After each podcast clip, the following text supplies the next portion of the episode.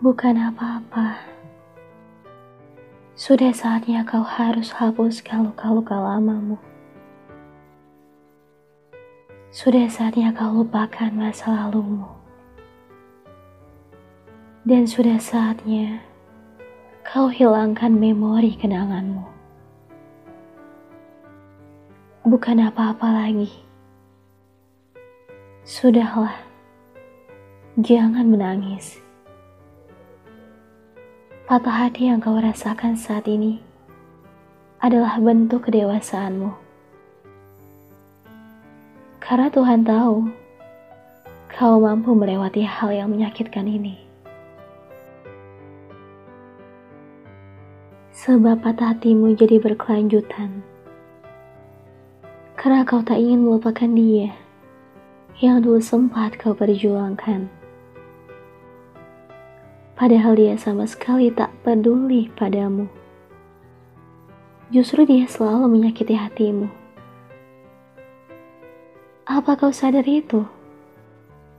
Untuk apa diperjuangkan lagi?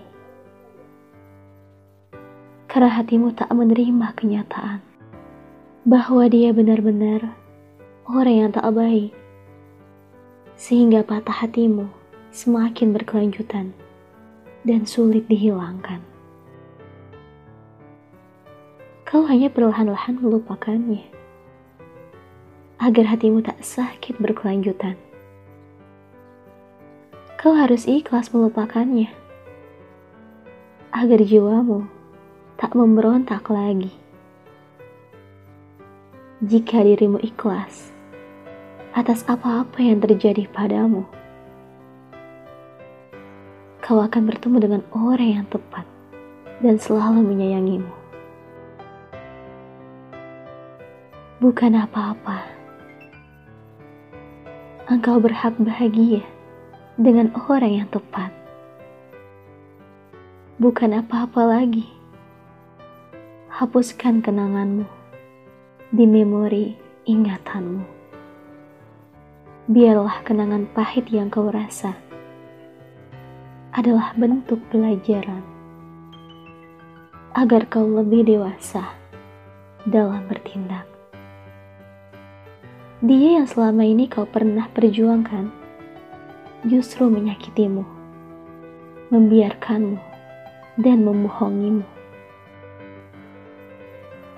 Patah hati yang berkelanjutan adalah engkau lupa bahwa yang berhak dicintai lebih dulu adalah Sang Pencipta. Segala yang kau inginkan, curahkan padanya, agar dia memberikan solusi terbaik untukmu. Bukan kau kejar makhluknya, hingga kau dipatahkan, akhirnya kau dilukai dan disakiti olehnya. Segera move on, lupakan hapuskan, hilangkan, jauhilah semua yang ada pada dirinya. Sebab patah hatimu berkelanjutan. Karena kau sulit menerima nasihat dari orang lain. Kau terlalu berlebihan dalam menggenggam namanya. Yang pada akhirnya namanya lepas kandas begitu saja. Apa kau masih ingin dipatahkan hatimu kedua kalinya? Maka jauhilah. Dia bukan orang yang tepat. Bisa jadi dia adalah musuh terberatmu dalam mencinta. Banyak di luar sana laki-laki yang bertanggung jawab dan menyayangimu apa adanya, bukan ada apanya. Tak usah memperdulikannya. Tak usah mengingatnya lagi.